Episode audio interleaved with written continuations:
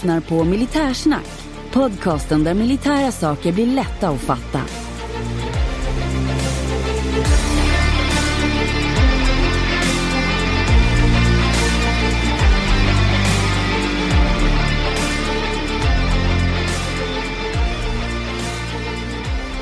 Ja men då så, då har jag den stora glädjen att återigen presentera ett avsnitt av Militärsnack. Med mig har jag idag Johan Lindholm. Välkommen Johan! Tackar, tackar! Du är, ja du får berätta själv vem du är. ja, eh, jag eh, ska väl säga så här då. Mycket av min tid lägger jag på hemvärnet och som kompanichef i hemvärnet. Man kan väl säga att min fritid spenderar jag på jobbet. Ja, okej. Okay. det är nog rätt många som gör det. Ja. Du har varit med i hemvärnet ganska länge. Mm, eh, dryga 27 år nu. Brukar folk vara med så länge?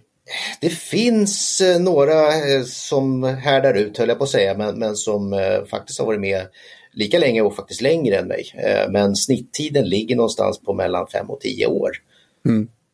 Jag kan tänka mig att det finns två ganska stora segment där. Det ena är de som är med kort tid, som är ganska många, och sen så har du ganska många som är med ganska länge. Mm, mm. Jo, det stämmer.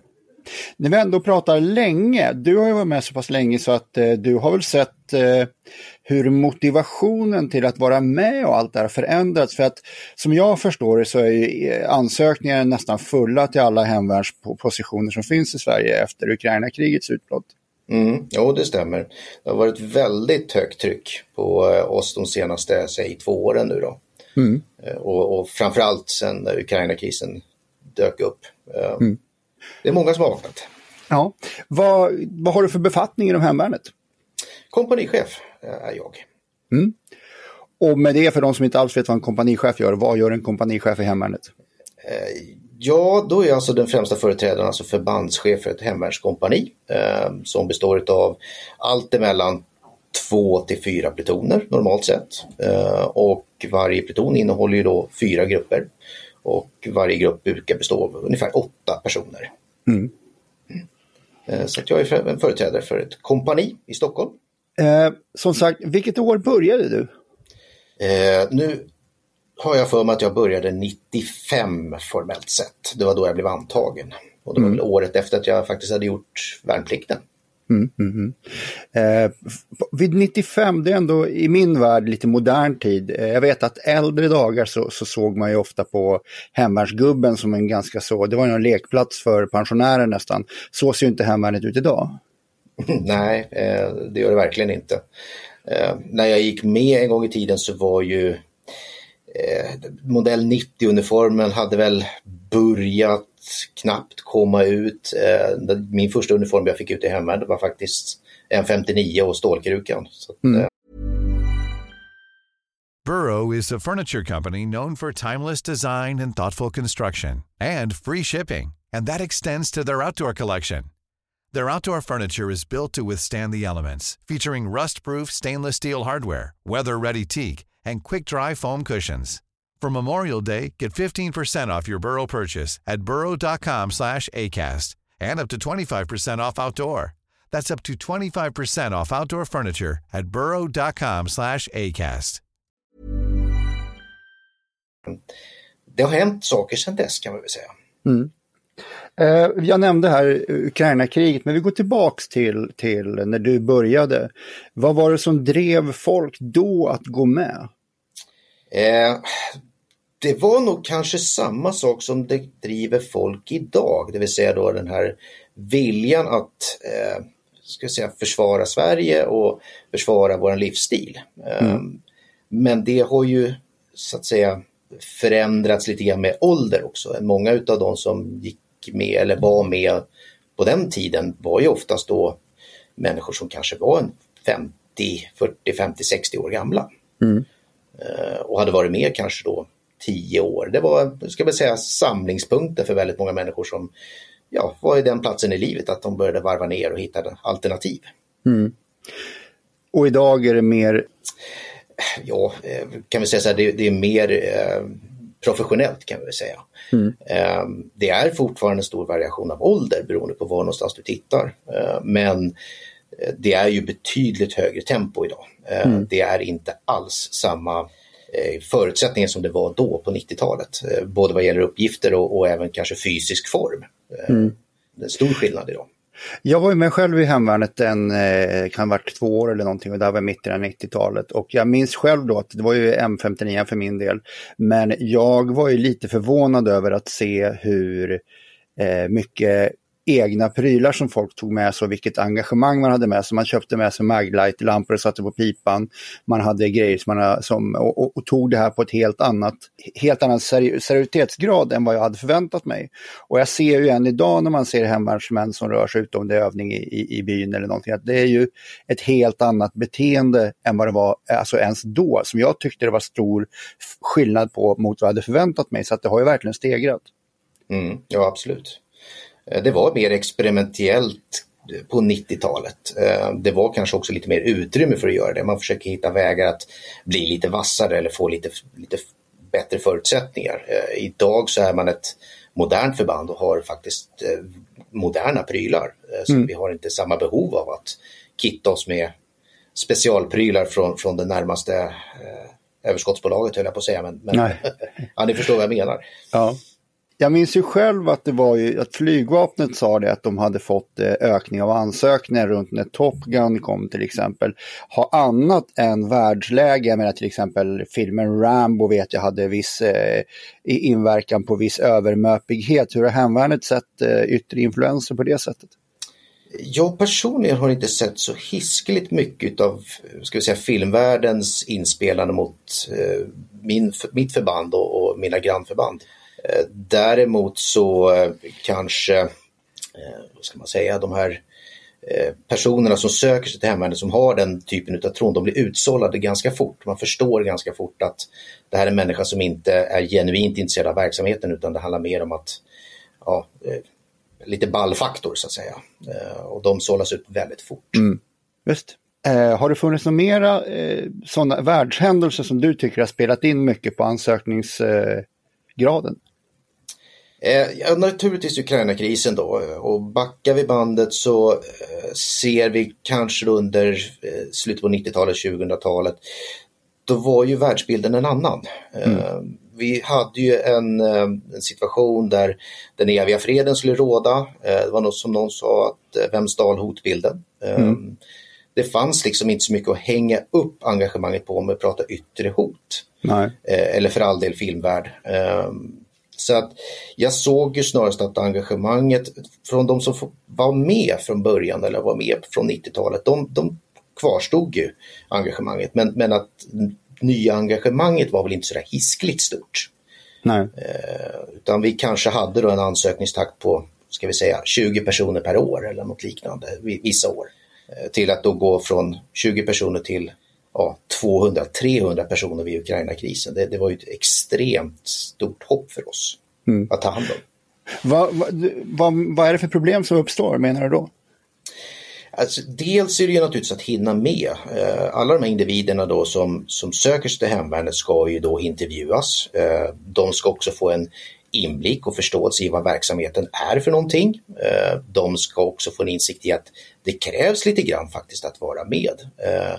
Både utifrån fysiska förutsättningar men också naturligtvis då straffbarhet och eh, tjänstbarhet under den här tiden. Så att det ju, kräver ju lite grann av, av oss att intervjua de här människorna. Eh, sen ska de igenom olika typer av kontroller och det är också ett, tar ju lite tid. Och sen så i slutändan så ska de gå igenom en introduktionskurs, de ska ha utrustning eh, och allt det här tar ju tid eh, och, mm. och det kräver resurser. Det är ingenting vi snyter ur näsan bara. Det är inte så att vi har eh, kurser stående tomma om man säger så. Utan, nej, nej, nej. nej. Det, mm. Jag förstår. Eh, men det här drivet då, om vi, om vi tittar på andra saker så, så eh, den gamla bilden man har är ju lite, kanske inte riktigt Mauser, men, men i alla fall k-pist. Eh, nya grejer har kommit. Jag vet att ni har inte haft AK5. Nej, Nej, det har vi utan. Kan man se att, att tillgången på modernare verktyg så att säga har ökat eller påverkat intresset? Har det någon gång varit så att människor har lämnat hemvärnet för att ni har haft för dåliga grejer? Ja, jag skulle nog inte säga att folk lämnar för att vi har för dåliga grejer. Eh, det var väl tämligen eh, det var tämligen omodernt men fortfarande funktionella saker på 90-talet. Det, det, var det ju.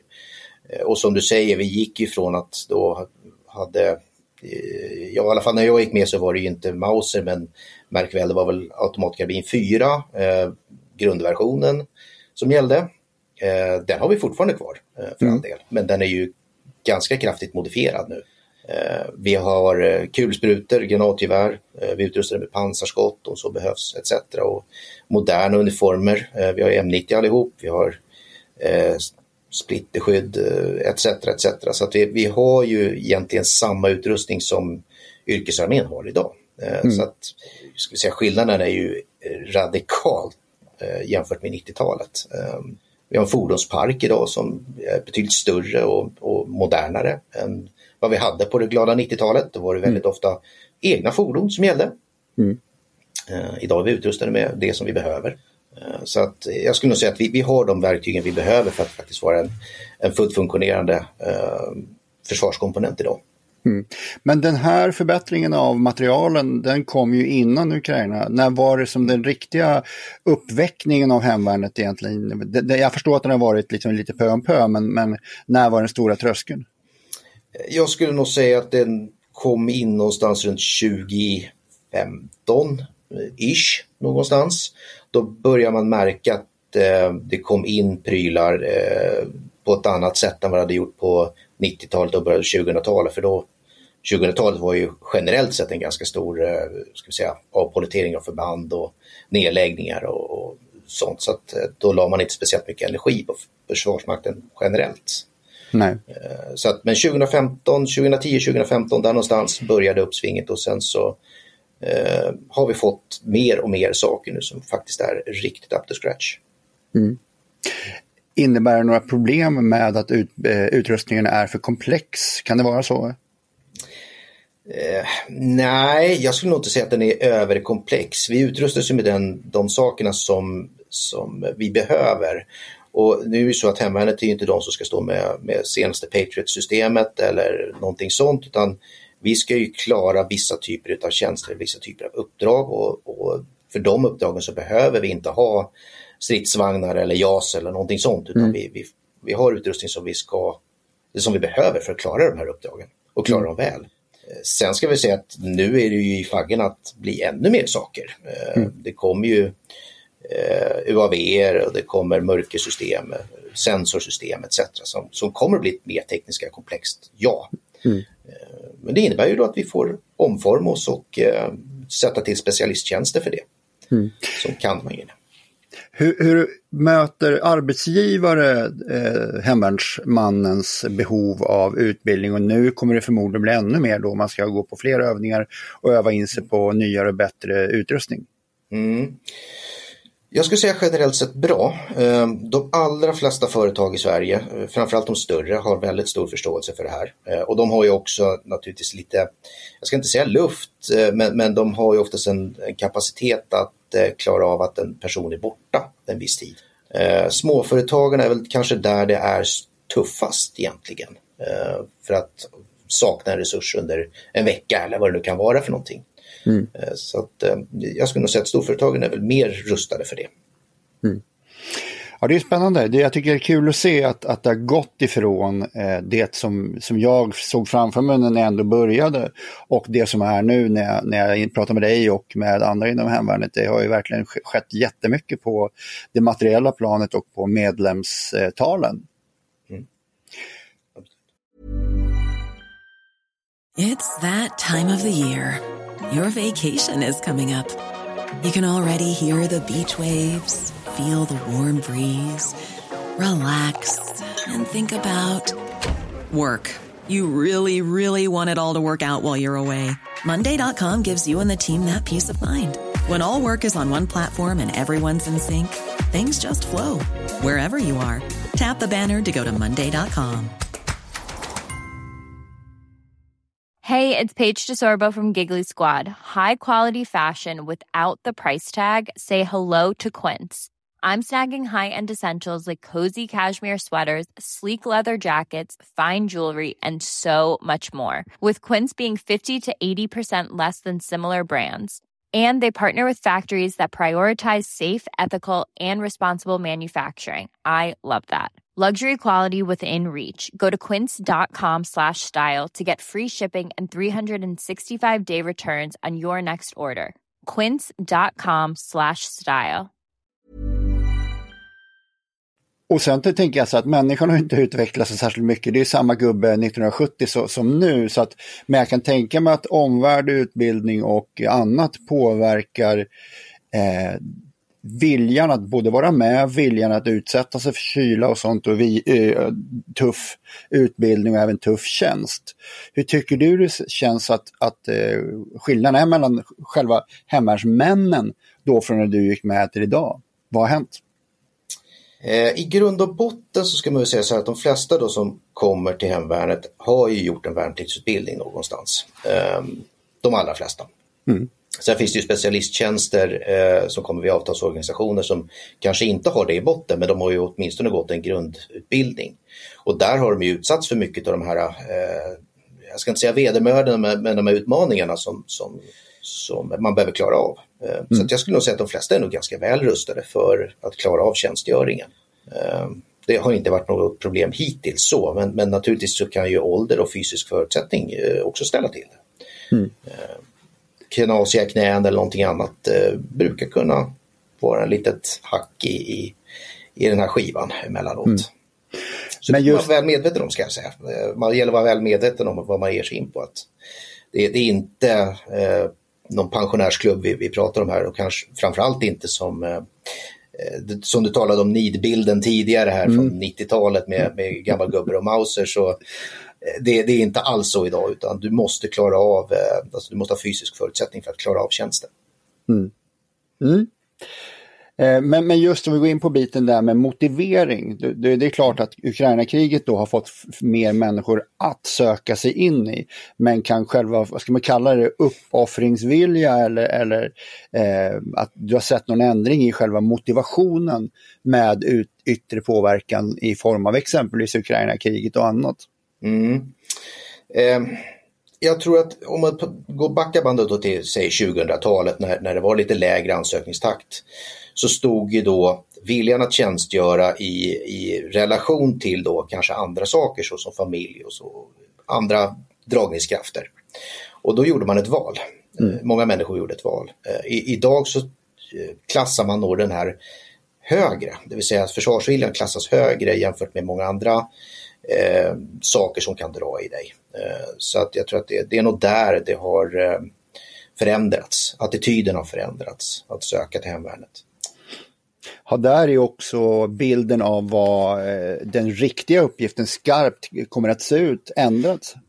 För jag menar, det är mycket, tittar vi på till exempel Kenneth Gregg som på Facebook eh, rapporterar väldigt mycket, han är ju då eh, i hemvärnsdelen av det ukrainska försvaret har man fått en annan insikt i vad, vad som kommer bli eh, den, den skarpa rollen?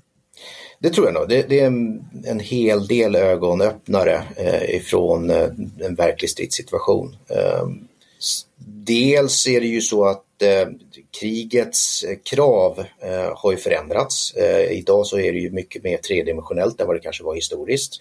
Eh, men också faktiskt en återgång i vissa mått till skyttegravskrig som vi inte har övat i Sverige på många, många år. Nej. Eh, så att det är ju definitivt en ögonväckare, eller ögonöppnare ska jag säga.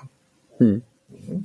Jag vet att eh, just det här när du nämner eh, skyttegravskrig så och det var, det var en engelsk militär som sa det att 1917 då hade man liksom textilkläder och ett gevär.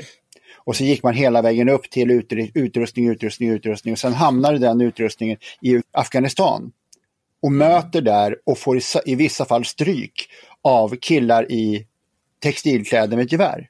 Så att han mm. sa att det har gått liksom en utbildnings eller en utrustningscirkel där som han tyckte var ganska intressant. Ja, det, mm. det kan jag nog hålla med om. Det, mm. det är spännande. Kalashnikov och annat kommer ju fram igen och man har ju sett bilder på Thomson-kopistar i, i, uh, i rysk tjänst. Så att uh, ja, 20-30-talet kommer tillbaka. Mm. Men det ja. visar att man gjorde funktionella saker även då. Ja. Jo, sen nämnde du UAV som då vi kallar drönare. Den, den har ju verkligen fått en helt annan roll, eller jag ska säga helt ny roll. Jag vet inte om den har använts tidigare i krig på det här sättet.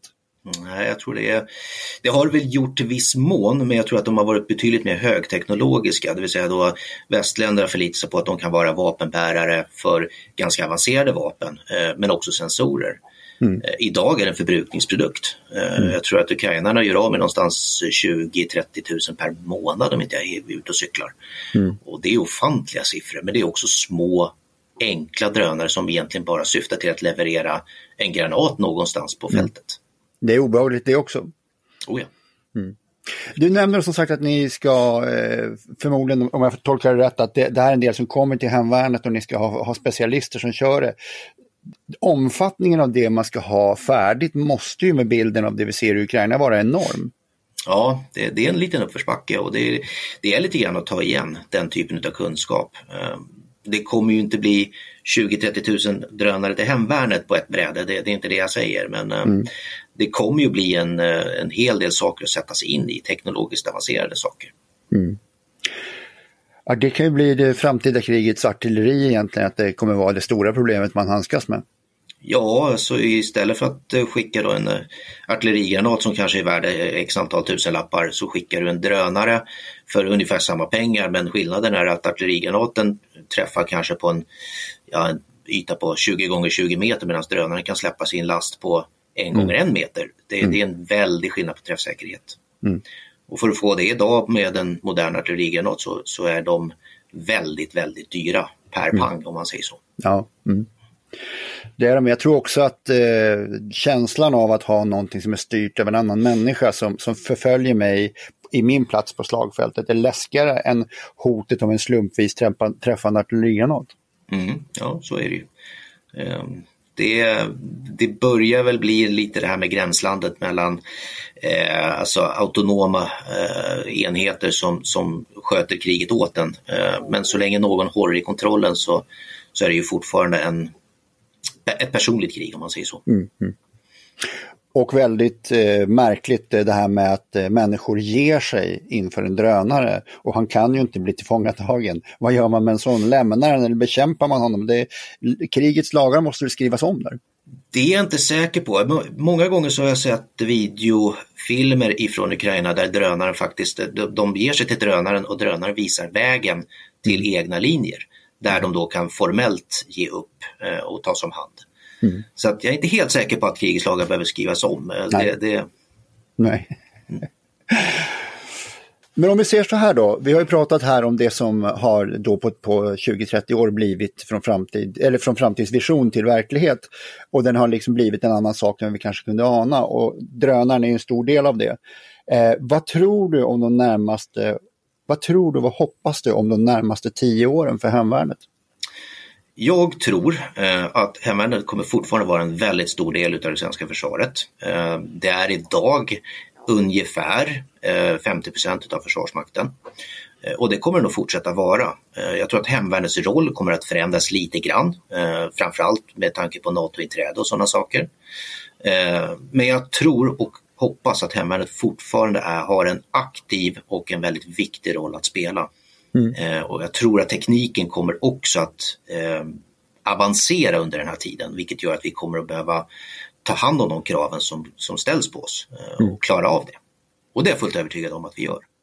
Om du får en liten spåkula, vad tror du för någonting som vi ser eh, i begynnande idag eh, som kommer öka framtidsvis? Kanske mer hemvärnet kommer ha IT-krigare och liknande?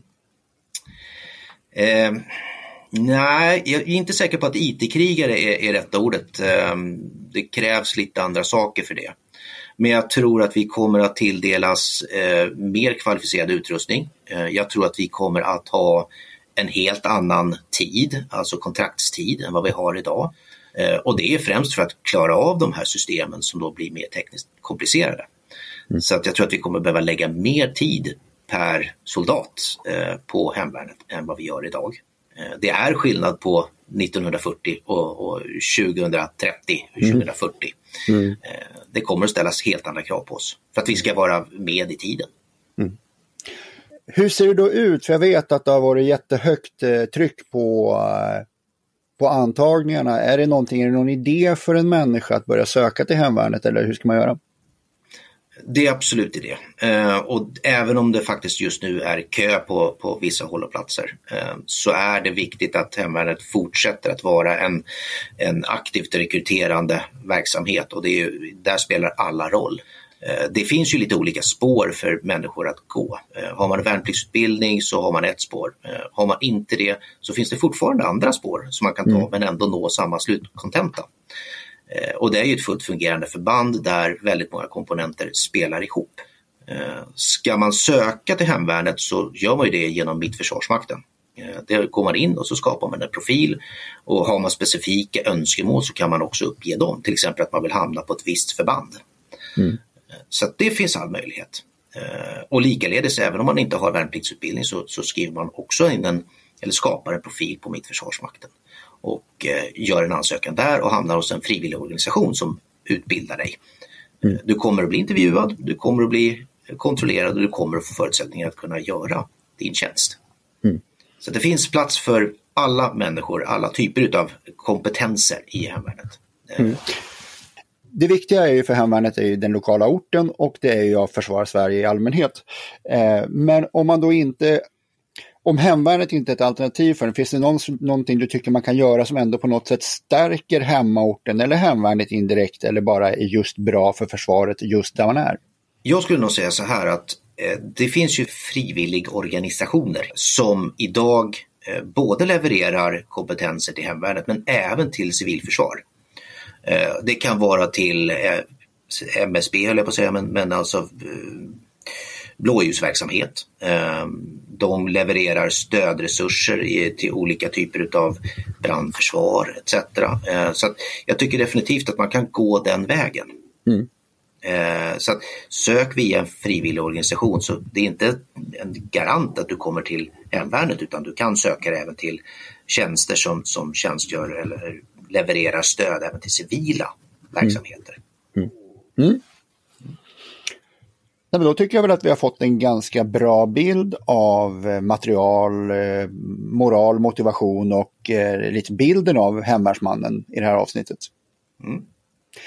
Så jag får tacka dig så jättemycket Johan för att du har kommit och gästat Militärsnack. Tackar, tackar. Och jag hoppas att de som inte redan är med eller gör något annat lyssnar på Johans ord och söker sig in i någon av de organisationer som har nämnts. Med det tackar jag så mycket. Tack Johan. Tackar, tackar. Hej, hej. Hej.